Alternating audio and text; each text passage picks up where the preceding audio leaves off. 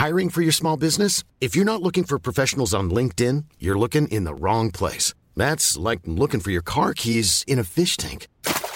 LinkedIn helps you hire professionals you can't find anywhere else, even those who aren't actively searching for a new job but might be open to the perfect role. In a given month, over 70% of LinkedIn users don't even visit other leading job sites. So start looking in the right place. With LinkedIn, you can hire professionals like a professional. Post your free job on linkedin.com slash people today. Hey, I'm Ryan Reynolds. Recently, I asked Mint Mobile's legal team if big wireless companies are allowed to raise prices due to inflation. They said yes. And then when I asked if raising prices technically violates those onerous two-year contracts, they said, what the f*** are you talking about, you insane Hollywood ass?" So to recap, we're cutting the price of Mint Unlimited from $30 a month to just $15 a month. Give it a try at mintmobile.com slash switch. $45 upfront for three months plus taxes and fees. Promo rate for new customers for limited time. Unlimited more than 40 gigabytes per month. Slows. Full terms at mintmobile.com.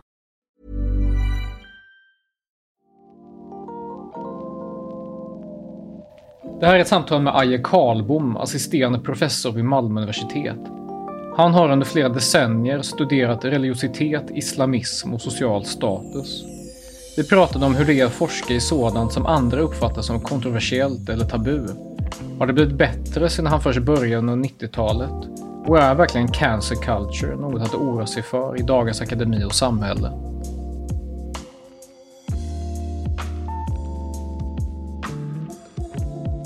Aje, du var en av, en av de första akademikerna, tror jag, som i alla fall som blev mer känd för det, som skrev om frågor som rör islamism i Sverige och den sortens grejer. Och det var tidigt 00-talet, kanske till och med på 90-talet. Hur, hur, hur mottogs det när du skrev om det inom akademin och utanför? Och vad är dina intryck så här liksom i efterhand? Alltså jag, första gången, jag, eftersom du ställde frågan så började jag fundera på när sa jag egentligen det här i skrift första gången? Och det var ju då år 2000. Eh, jag hade ju hållit på med det här, den här frågan om islamism eh, från 95 ungefär eh, när jag jobbade med min avhandling. Eh, men 2000 så sa jag det på en, en, en konferens i Uppsala för svenska antropologer. Eh, jag förklarade eh, ja, i grunden vad min forskning handlar om. En kort presentation, 15 minuter och att det är väldigt influerat av Muslimska brödraskapets ideologiska skola. Och det, det togs inte emot väl då.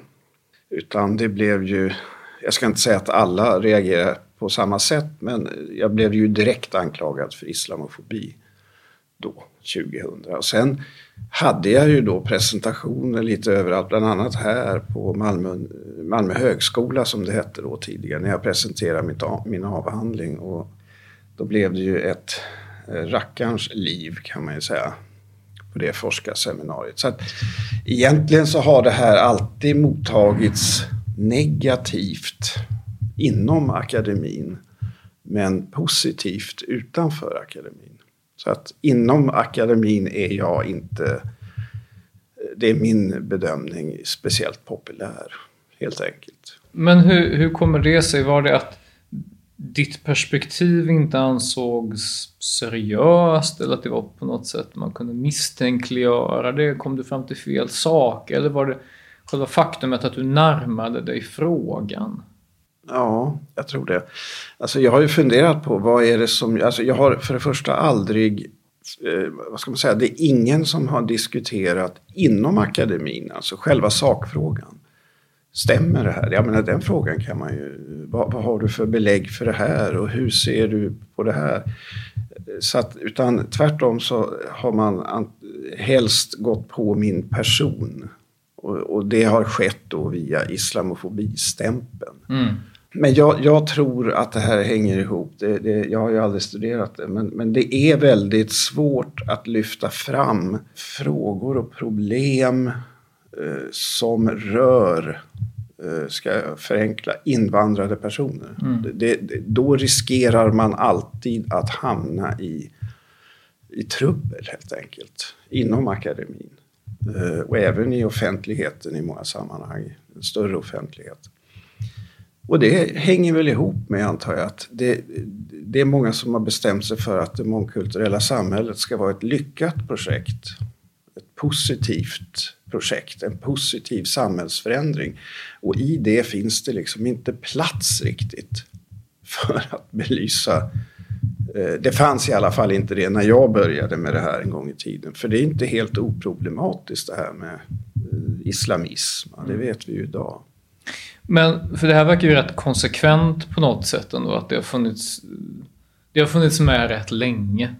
Samtidigt så har det ju pågått en, en jättestor demografisk förändring, en kulturell förändring. Alltså jag, jag brukar säga när jag är ute och, och pratar med de här frågorna att det är den största förändringen i Sverige sedan rösträtten infördes och, och sen Sverige urbaniserades liksom från att ha varit jordbrukarsamhället till att bli ett, ett överlag moderniserat, urbant, sekulärt samhälle. Så den största förändringen sedan dess.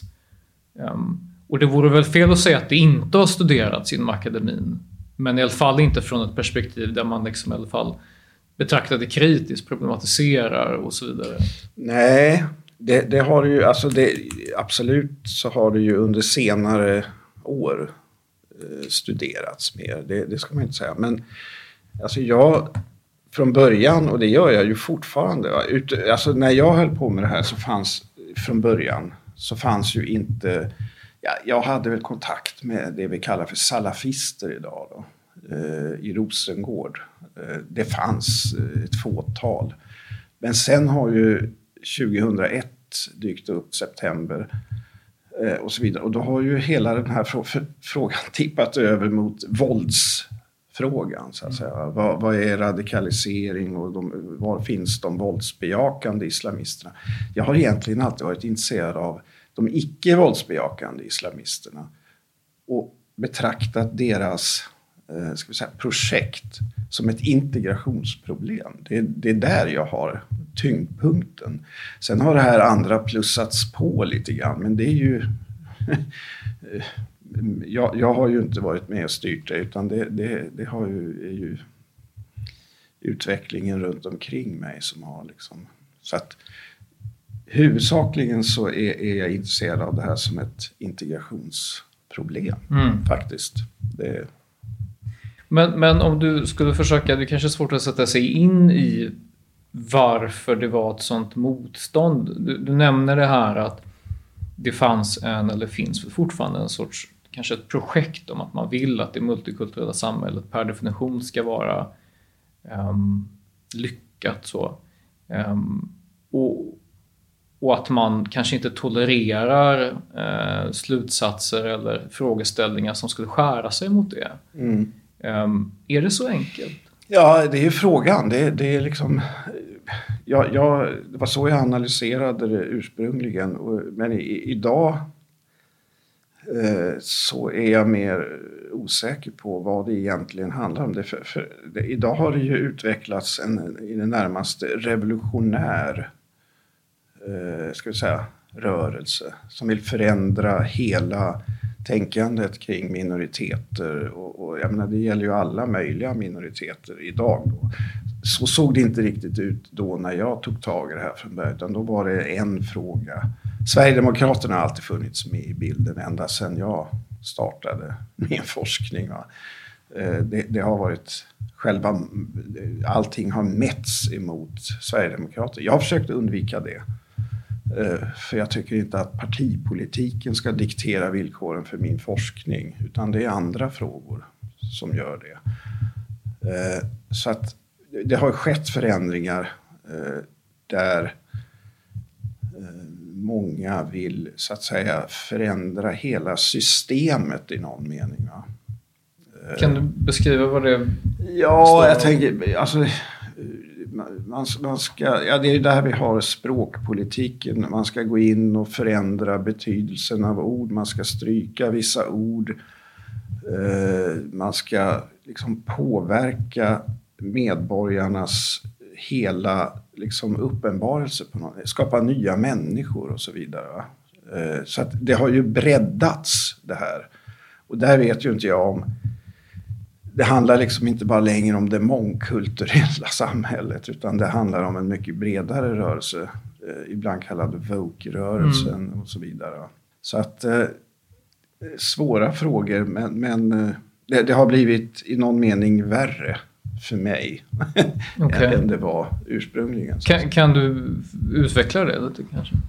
Alltså jag, jag menar det här med cancel culture. Jag har ju alltid varit eh, i någon mening, inte varje dag och så vidare. Va? Men jag har, ju, jag har ju varit utsatt för det långt innan vi hade begreppet cancel culture. Att många vill... Eh, jag har haft kollegor här på min arbetsplats som har skickat brev till min chef och för att jag har uttalat mig i debattartiklar och så vidare. Eh, velat få mig kickad. Då, eh, jag har fått stöd av arbetsgivaren ska jag säga när sånt här har inträffat. Men det har funnits med hela tiden. Alltså när jag började här en gång i tiden och föreläsa så, så var det ju roligt att vara lärare för då tänkte jag att nu ska jag lära studenterna något nytt, något de inte hört talas om, något vi kan eh, sätta igång roliga diskussioner med och så vidare. Men idag är det mer att jag känner att det är djupt obehagligt. Eh, för att eh, studenter idag som är missnöjda med vad, en, vad jag eller andra lärare säger. Det ligger väl nära till hands att man anmäler idag. Det fanns inte för 10-15 år sedan utan det här är ett nytt fenomen. Va?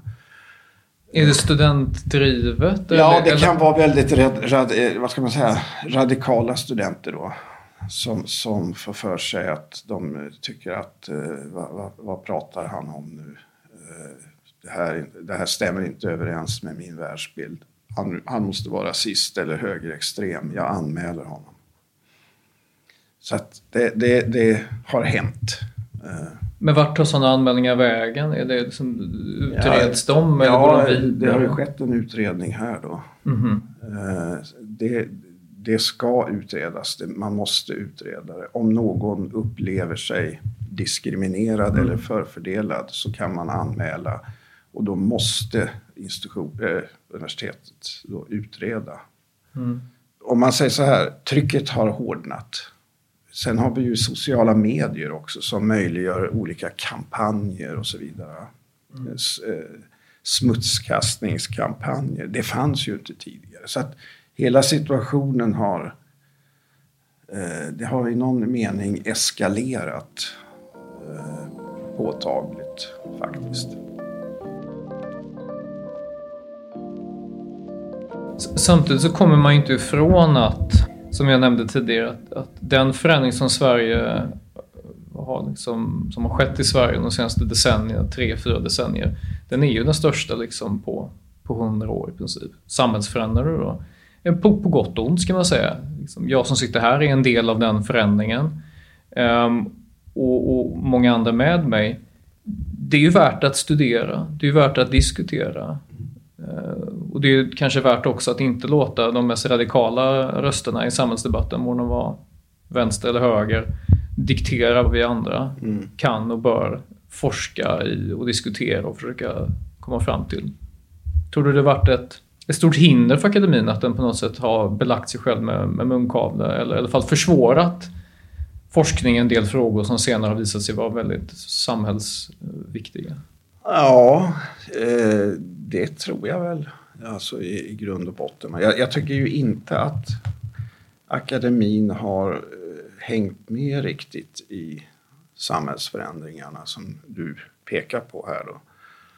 Utan att eh, det är fortfarande väldigt försiktigt. Det är min bild i alla fall. Jag pratar ju inte om hur det är egentligen, utan min bild av det här.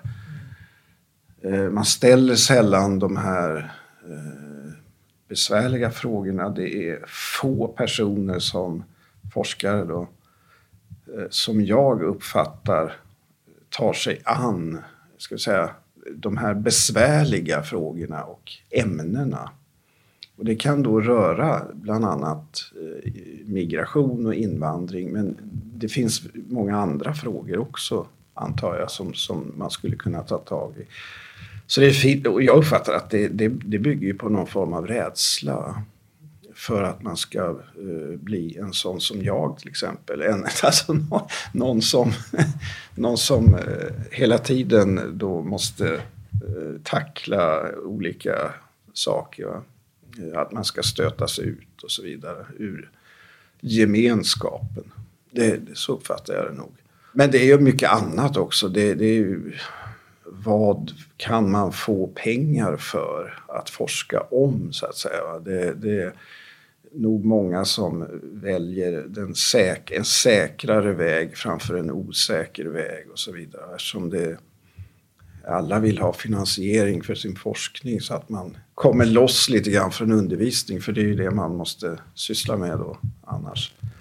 Så att det finns nog många faktorer och förmodligen kan det ju nu bli då ännu värre som väl Sten Widmalm har tittat, eh, argumenterat eh, med den här forskningsetiska byråkratiska apparaten som liksom på något sätt har sänkts ner över all kunskapsutveckling. Mm. Så det finns nog många eh, olika delar av det här som är... Men vad, det, det kanske är en, en provocerande fråga, jag vet inte, får du avgöra, men vad ska vi ha eh, er till? Samhällsvetare, socionomer ja. och sociologer om ni inte besvarar och verkligen grottar ner i de mest avgörande liksom, frågorna. Det gäller ju inte bara för Sverige liksom, alltså, förstås. Liksom, det är relevant kunskap för, för stora delar av, av västvärlden i alla fall. Nej, jag, jag, jag kan ju hålla med dig om det. Jag, jag har själv tänkt tanken, vad, vad, vad ska man med det här till om ingen får säga någonting som inte liksom stöter sig med någon annan eller komma fullfölja sin forskning fullt ut för att se var den hamnar och så vidare. Det kan ju vara i besvärliga frågor. Det kan ju väcka ännu besvär, mer besvärliga frågor och så vidare. Så att eh, vad, vad, ska forskningen bidra med om, om det här kan sägas ännu bättre inom journalistiken? Eh, ja, alltså jag tycker att det är en helt relevant fråga. Det är något som jag och andra får fundera på helt enkelt. Va? Jag har försökt på mitt sätt, både forskningsmässigt men också lite journalistiskt. Då. Eh, så att, eh, men men det, det, leder ju ofta till, och det får man ju vara beredd på, eh, ibland kan det leda till drev till exempel. Va? Ibland inte och så vidare. Så att man får vara beredd på nästan vad som helst idag. Om man ska spela lite djävulens advokat så har du har ju ändå varit aktiv i de här frågorna under, under lång tid. Du skrev din avhandling i frågor som relaterar just den alltså icke-våldsbejakande islamismen i Sverige. Du är kvar. Och vi, vi sitter på Malmö universitet och, och, och pratar om det här. You're still here ändå. Ja. Så illa kan det väl inte vara, kanske någon invänder. Nej, men cancel eller cancelkultur, det har ju inte att göra med att en, en institution eller ett universitet lyckas kicka någon så att säga. Eh, utan det har ju att göra, det, det är mera en fråga om hur man blir betraktad på sin arbetsplats.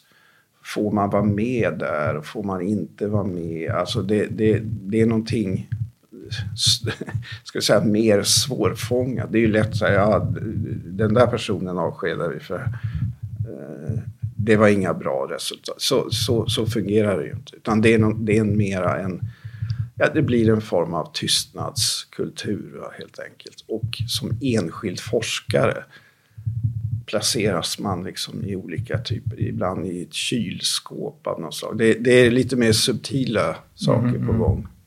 Men, men, hur kommer det sig att du inte på något sätt fattade hinten när de började skicka brev och sådär och, och höll huvudet lågt? Eh, var, var det någonting hos dig som gjorde att du ja, kände nog... att, nej men vad fan, här, jag fortsätter? Nej men jag, jag, kan inte vika ner mig tänkte jag då. nej men det har nog med min personlighet att göra. Eh, mera än någonting annat. Jag, jag har alltid tänkt på forskning och debatt som eh, jag säger, jag påstår någonting förankrat i någon form av någonting, något material eller data eller något där. Och om det sen är så att jag kommer fram till fel saker, ja fine, då får väl någon påpeka det och så får vi ta en diskussion. Så, jag ser det väldigt, ganska okomplicerat, men så ser inte människor på det i min omgivning, det har jag lärt mig. Utan då ser man det direkt som att det där är en ond person och så struntar man i själva eh, sakfrågan. Eh, och så ska den personen på olika sätt skambeläggas eller vad det nu är. Va? men det har inte att göra alltid med att någon avgångskrav mm. eller sådana där saker. Utan det, det, är annat som spelar in. Och sen tror jag inte det, jag, jag tror inte att det är så lätt att få forskningsmedel heller när rykten börjar spridas och sådär. Så att... Men vad, vad tror du skedde inom den svenska akademin som gjorde att det blev på det här viset? För att för utomstående så tänker man just att om det är någonting som ska ske inom akademin så är det just det här lite fördomsfria stötandet och blötandet av empirin och tolkningen och liksom vad säger materialet oss? Och, och att just som du säger att man är inte politiker och, och, politiker ska ju hålla avstånd från akademin. Att det är just ett safe space för diskussion och, och förståelse. Men om det, det, du beskriver låter rätt mycket som en sorts politisk logik snarare. Mm. Men alltså min, min, uppfattning om det, jag vet ju att det, det, här diskuteras ju ibland, men min uppfattning om det, det är ju att stora delar i alla fall av samhällsvetenskapen är dominerad av ett vänsterparadigm. Då menar jag inte klassisk marxism, alltså med arbetarklass och så vidare, utan det har skett en förändring där många med vänstersyn på samhället, vänsterakademiker, har ersatt alla de här klassiska traditionella kategorierna med minoritetskategorier. Det är samma ideologiska struktur. Att man ska kämpa för de som är på botten i samhället och så ska man liksom eftersträva förändring, alltså samhällsförändring. Det var väl Marx som sa det till och med, att filosoferna ska bidra till förändring och så vidare. Så att det är min analys av samhällsvetenskapen. Sen kan det skilja sig i enskilda discipliner. Ett statsvetare är kanske mer oftare liberala än marxister och så vidare. Men generellt så är det ett vänsterparadigm som styr samhällsvetenskapen ur, min, ur mitt perspektiv. Och det är ju inte helt oproblematiskt eftersom då har man ju redan en, en eh, förklaring till eh, olika samhällsproblem. Va? Det är ju bara att sortera in det i en redan färdig modell liksom, för hur saker och ting ligger till, hur saker och ting är som man säger. Och det är klart, då kommer jag in i ett sånt perspektiv så hamnar jag ju direkt fel med min data så att säga. Eftersom mm. den strider mot det här vänsterparadigmet. På vilket sätt då? Om, du bara kan exemplifiera så att det... Ja, men om det handlar om, om, om det är så att man eh, har bestämt sig för att vi ska vara alla minoriteters försvarsadvokat. Vi ska kämpa för minoriteters rättigheter. Det är det som är, och, och då måste vi ge oss på den makt som finns i, i samhället. Va? Så att vi förändrar den så att de minoriteterna får sina rättigheter. Ja, då klampar ju jag in där. Så, så problematiserar jag vissa typer av minoritetspolitik. Och då blir det ju genast mycket mer besvärligt. Va? Kan man till exempel helt okritiskt ta ställning för islamister som en minoritet eh, är det helt oproblematiskt. De står ju i regel för eh, väldigt mycket mer konservativ syn alltså, i, i olika frågor som rör kön, ja, genus och, och, sexualitet och så vidare. De har helt egna modeller för det är sånt här jag har velat problematisera. Men det finns ju inte riktigt plats för om det är så att man ska ta ställning för en grupp som ju i regel inte definieras riktigt utan det är väldigt abstrakt. Empirisk data kan vara väldigt besvärlig på det viset.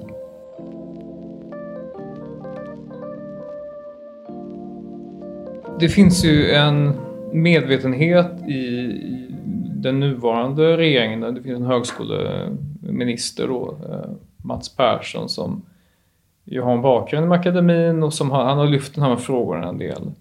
Jag får känslan att det inte det snarast får motsatt verkan när han ger sig in i de här frågorna. Det vill säga att han kommer inte kunna förändra det här överhuvudtaget eller motarbeta cancel culture utan utan det kommer snarare stärka en del akademiker som kanske är väldigt ideologiska i att ja, se här, nu kommer en högerregering och ska motarbeta oss. Vi vet minsann vad de har i kikan. Alltså det är ju intressanta reaktioner på den här. Alltså han har ju inte föreslagit att det ska införas någon speciell policy.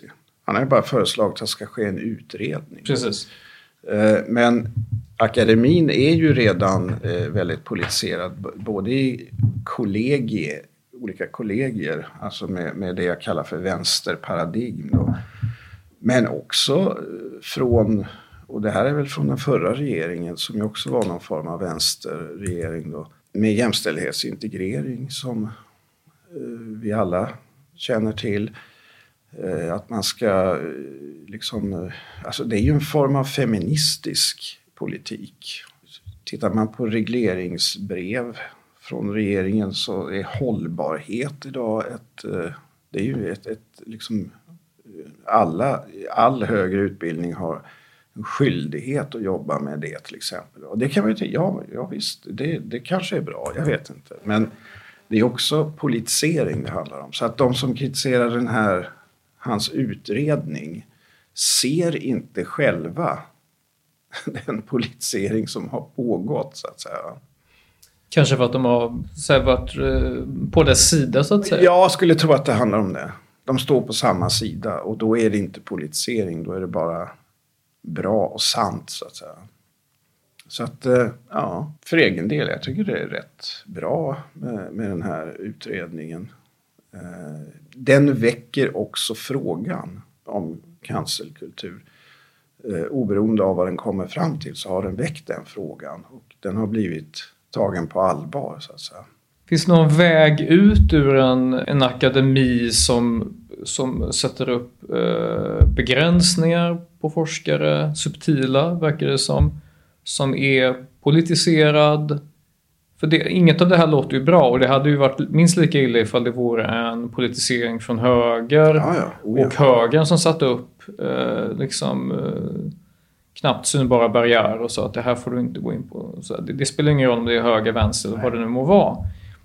Men hur tar man sig ur det här? Med tanke på att det här har ju ändå hållit på så pass länge. Ja, nej, alltså, verk, alltså det, det, är viktigt att betona det att även om jag säger vänsterparadigm så skulle jag inte vilja att ett högerparadigm, alltså det är politis, politiseringen som princip som är förkastlig, va? oberoende av varifrån den kommer så att säga. Nej, jag vet ärligt talat inte. K kanske att man eh, försöker då efterleva gamla klassiska akademiska normer, för det är ju inte fritt från normer inom akademin. Att man alltid försöker vara generös och gå på eh, opponentens bästa argument snarare än det sämsta. Att man aldrig sysslar med personangrepp, vilka de än är. Att man aldrig avfärdar någon genom att klassificera någon omgående som en det ena en det andra. Eh, islamofob, rasism, det, det finns, vi, vi, vi är duktiga på sånt där. Det där är en sån Därför ska jag inte lyssna på den. Eh, det är väl den enda vägen jag kan se. För jag tror ju inte riktigt på... Liksom, man kan ju inte kommendera fram såna här saker uppifrån. Det är svårt. Det måste till en bearbetningsprocess på olika lärosäten helt enkelt. Men det du säger om förändringen av studenternas inställning till det här så mm. talar det ju snarast emot att det skulle bli bättre för att för 20 år sedan, ja men då kanske dina kollegor var mer eller hörde de som, som eh, kringskar mer och satte upp mm. barriärer. Medan nu får jag intrycket av att det, det snarast också, kanske eller, kommer från studenterna att man anmäler och så vidare. Det, det är båda väl illa för framtiden. För en del av de studenterna kommer ju gå vidare i forskarutbildningen säkert. Ja, alltså, ja, men nu ska man säga, det, det gäller ju oftast en klick radikala studenter i en grupp. Då. Men de här kan vara väldigt aggressiva och ställa till det för, även för sina studiekamrater och för lärare. Eh, när du nu ändå väcker frågan så tror jag att det är viktigt att när, när det gäller de studenter som vill eh, satsa på att trakassera lärare som de inte liksom vars eh, föreläsningar de inte accepterar. Eh, där är det viktigt att lärarna känner universitet universitetens och högskolornas stöd. Och att man faktiskt tar reda på vad som har hänt. Det, det, det, jag vet Sara Kristoffersson var ju också inne på det eh, när det gällde hennes eh, affär där. Att det fanns inget intresse från ledningen för att ta reda på vad som egentligen hade hänt och så vidare. Eh, så att det kan ju vara en väg då att, för, för som lärare, om man inte känner institutionens eller arbetsgivarens stöd så blir man en mycket sämre lärare. Va? Då kan ju vad som helst hända på väldigt lösa grunder. Det är då det kan bli en form av häxerianklagelser mot människor. Och det är ju jätteallvarligt.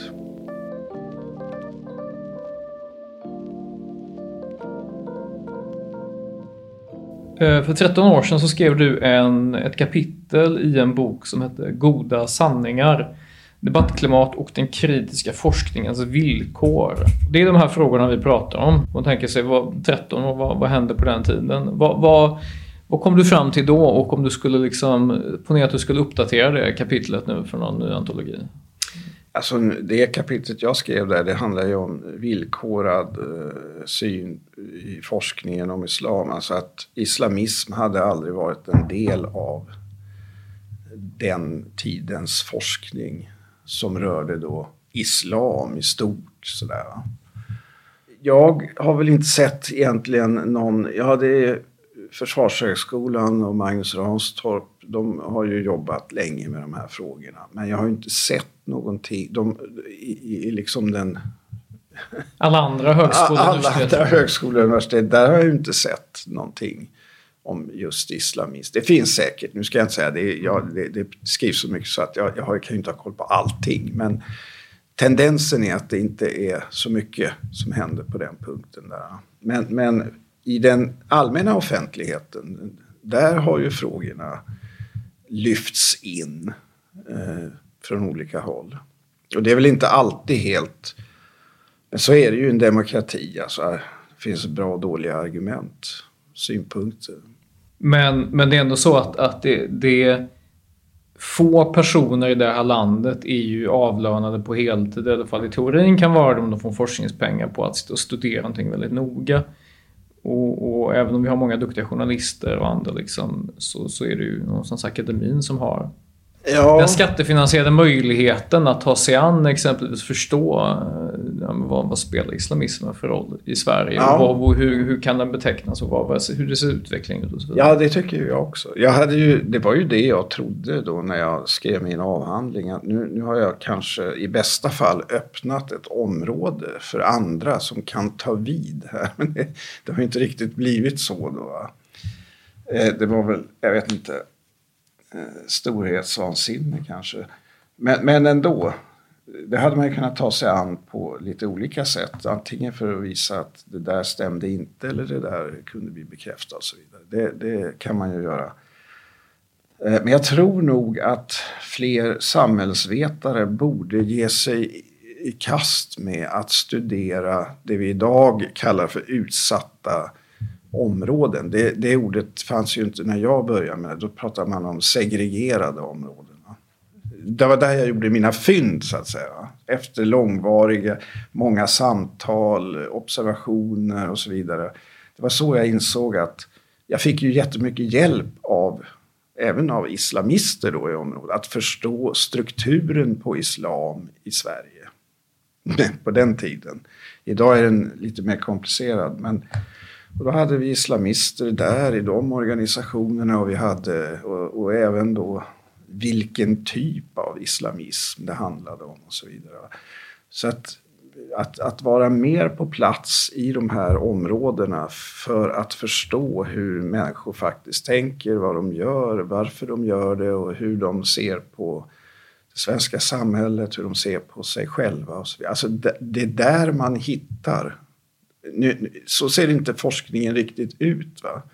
Och det kanske är idag då mer riskfyllt att befinna sig i de här, i de här olika områdena än det var då i mitten på 90-talet. Men då som forskare? Som forskare, ja. För att? Det fanns ju ingen gängkriminalitet på det viset när jag och eh, Sara bodde i Rosengård och, och forskade. Det var ju ganska det fanns islamism, men det var ju liksom inga farliga grupper. Det var ju bara lite så här, de kivades sinsemellan och så. Men idag eh, tror jag, det är i alla fall min upplevelse av det, att det, att det kanske är mer riskfyllt som forskare och som journalist att befinna sig där under en längre tid så att säga. Varför tror du det har blivit så? Ja, det vete tusan. Eh, men mycket av det vi ser, de som eh, bråk, ja de är ju ännu äldre nu, men alltså det är ju det som gör det här i min värld lite besvärligt. För att många av dem som är inblandade i det här idag, de var ju liksom, eh, de är ju födda i Sverige och växt upp på, i Sverige, men är helt utanför. Det är ju kanske tredje generationen, många av dem. Mm. Finns det något som tyder på, på att det går alltså att femte generationen, att, att det smälter ut lite över Sverige, det beblandas? Eller ser du liksom tecknen på att, på att det håller på att skapa, att det, håller på att stelna lite grann? Det vill säga vi får den här, den här parallell, parallellsamhällsstrukturen, att den är mer långvarig nu?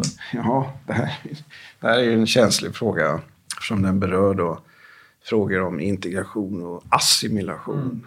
Eh, men, men eh, Alltså jag, om jag börjar där. När jag var i, eh, började med det här i min avhandling så, så pekade jag på att ja, segregation, ja, eller bostadssegregation i all ära, det här börjar få an, se, se annorlunda ut. För nu börjar människor bygga upp sina egna institutioner, moskéer, föreningar, livsmedelsbutiker, skolor, dagis och så vidare. Det är då vi kan börja tala om samhällen i samhället eller parallellsamhällen. Det pratar man inte alls om på den tiden. Jo, i Danmark. Där, där var ju begreppet då parallellsamfund. Eh, men det dröjde ju bra många år innan det här vandrade vidare till Sverige. Eh, och jag ser det som att det har, det har ju blivit värre sen jag skrev min avhandling. Det är inte så att det har blivit bättre. Eh, och delvis så är väl det en effekt av att vi har haft ganska hög invandring till Sverige. Alltså de här miljöerna eh, blir ju större. Det, möjligheterna för människor att leva i sin egen diaspora, i sitt eget parallellsamhälle, har ju ökat. Och i samband med att det ök, de möjligheterna ökar så försämras ju möjligheterna att bli delaktiga i vad vi nu menar med det i det svenska samhället. Så att, det, det, har ju negativa effekter på alla möjliga sätt och vis, alltså språkligt. Det, det, idag behöver man ju knappast lära sig svenska alltså för att leva i en stad som Malmö till exempel. Även om många gör det, men man behöver inte det. Eh, när det gäller relationen mellan olika grupper, stereotyper och annat eh, kan ju absolut växa när man inte träffas över gränser. Eh, det blir lättare att upprätthålla eh, en sorts, eh, ja, ibland kallar vi det för hederskultur. Det blir fler människor som blir inblandade i de här sakerna. Så att det kan man liksom inte komma ifrån på gräsrotsnivå eller vad ska jag säga att en hög invandring också har de effekterna. Det blir bara svårare och svårare med det vi kallar för integration. Det är så jag tänker mig logiken i det. Mm. Det kanske snart är nästan meningslöst att tala om begreppet integration eller ens assimilation där det inte finns någon liksom dominerande kultur att assimilera sig i. När man talar om det så, så, menar man ju en massa, det ligger inbyggt en massa saker. Dels att människor eh, Alltså integrationsbegreppet växte ju fram i en eh, tid eh, när man tänkte sig att människor flyttar från en plats till en annan. Liksom, och, och, eh, och, så kommer de till det nya där de blir förr eller senare en del av det här nya. Och så bryter man relationerna bakåt. Men det gör ju inte människor utan det är ju ofta pendlingar fram och tillbaka. Man har ju släkt och så vidare. Och det andra är ju liksom att integrationsbegreppet tillkom ju in, det kom till i en tid när vi inte hade de här stora eh, diaspororna liksom, av människor. Eh, färre invandrade personer helt enkelt. Så att det här är nog en, en gammal idé som inte, som du säger, som inte riktigt funkar idag. Va? Sen ser det väl olika ut på olika platser. Man, man ska nog inte dra... Malmö är ju en speciell stad på det viset. Men det, det kan ju se annorlunda ut i Kiruna så att säga. Vad tror du om en, en liksom 20-30 år, om du får, nu det här är väl långt bort från, från så forskarens domäner för då ska man ju inte spekulera för mycket utan gå på empirin. Men, men, men om man liksom drar ut linjen från, om du har det här perspektivet, du, du började med det här redan runt sekelskiftet, nu är vi liksom snart ett kvartssekel senare liksom. Om du får dra ut ett kvartssekel till. Ja, jag tror väl att det här vi ser nu det, det beror lite grann på va? vilken typ av politik som... Politiken sätter ju ändå ramarna för olika... Hur hög invandringen får vara och så vidare. Till exempel. Eh, men eh, alltså om jag utgår från eh, min, där jag stod i min avhandling så, så ser jag att det har blivit... Ja, det har inte blivit bättre, det har blivit värre. Så jag tror att det, det, kan fortsätta på det här spåret eh, faktiskt. Eh, nu har det ju tillkommit det här som alla diskuterar, gängkriminalitet och så.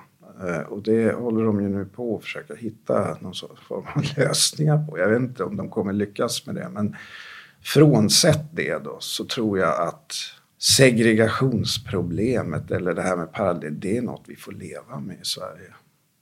Jag tror inte man behöver leva med gängkriminalitet men att inte alla människor som kommer hit blir delaktiga i vad det nu är de ska bli delaktiga i, majoritetssamhället, det, det tror jag vi får leva med.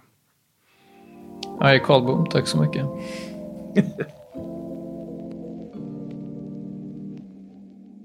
Tack för att du har lyssnat på Samtal med Zweiman. Producent för det här programmet är Isabella Persson. Mitt namn är Adam Zweiman och det här är en podd från GPs ledarredaktion. Prenumerera gärna på podden så du inte missar något avsnitt. Vi hörs nästa gång.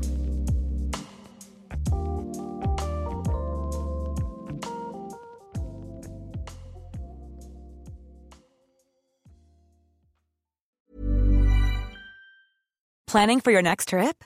Elevate your travel style with Quince. Quince has all the jet setting essentials you'll want for your next getaway, like European linen, premium luggage options, buttery soft Italian leather bags, and so much more and is all priced at 50 to 80% less than similar brands. Plus, Quince only works with factories that use safe and ethical manufacturing practices. Pack your bags with high-quality essentials you'll be wearing for vacations to come with Quince. Go to quince.com/pack for free shipping and 365-day returns. Planning for your next trip? Elevate your travel style with Quince. Quince has all the jet-setting essentials you'll want for your next getaway, like European linen premium luggage options, buttery soft Italian leather bags, and so much more. And is all priced at 50 to 80% less than similar brands. Plus, Quince only works with factories that use safe and ethical manufacturing practices. Pack your bags with high-quality essentials you'll be wearing for vacations to come with Quince. Go to quince.com/pack for free shipping and 365-day returns.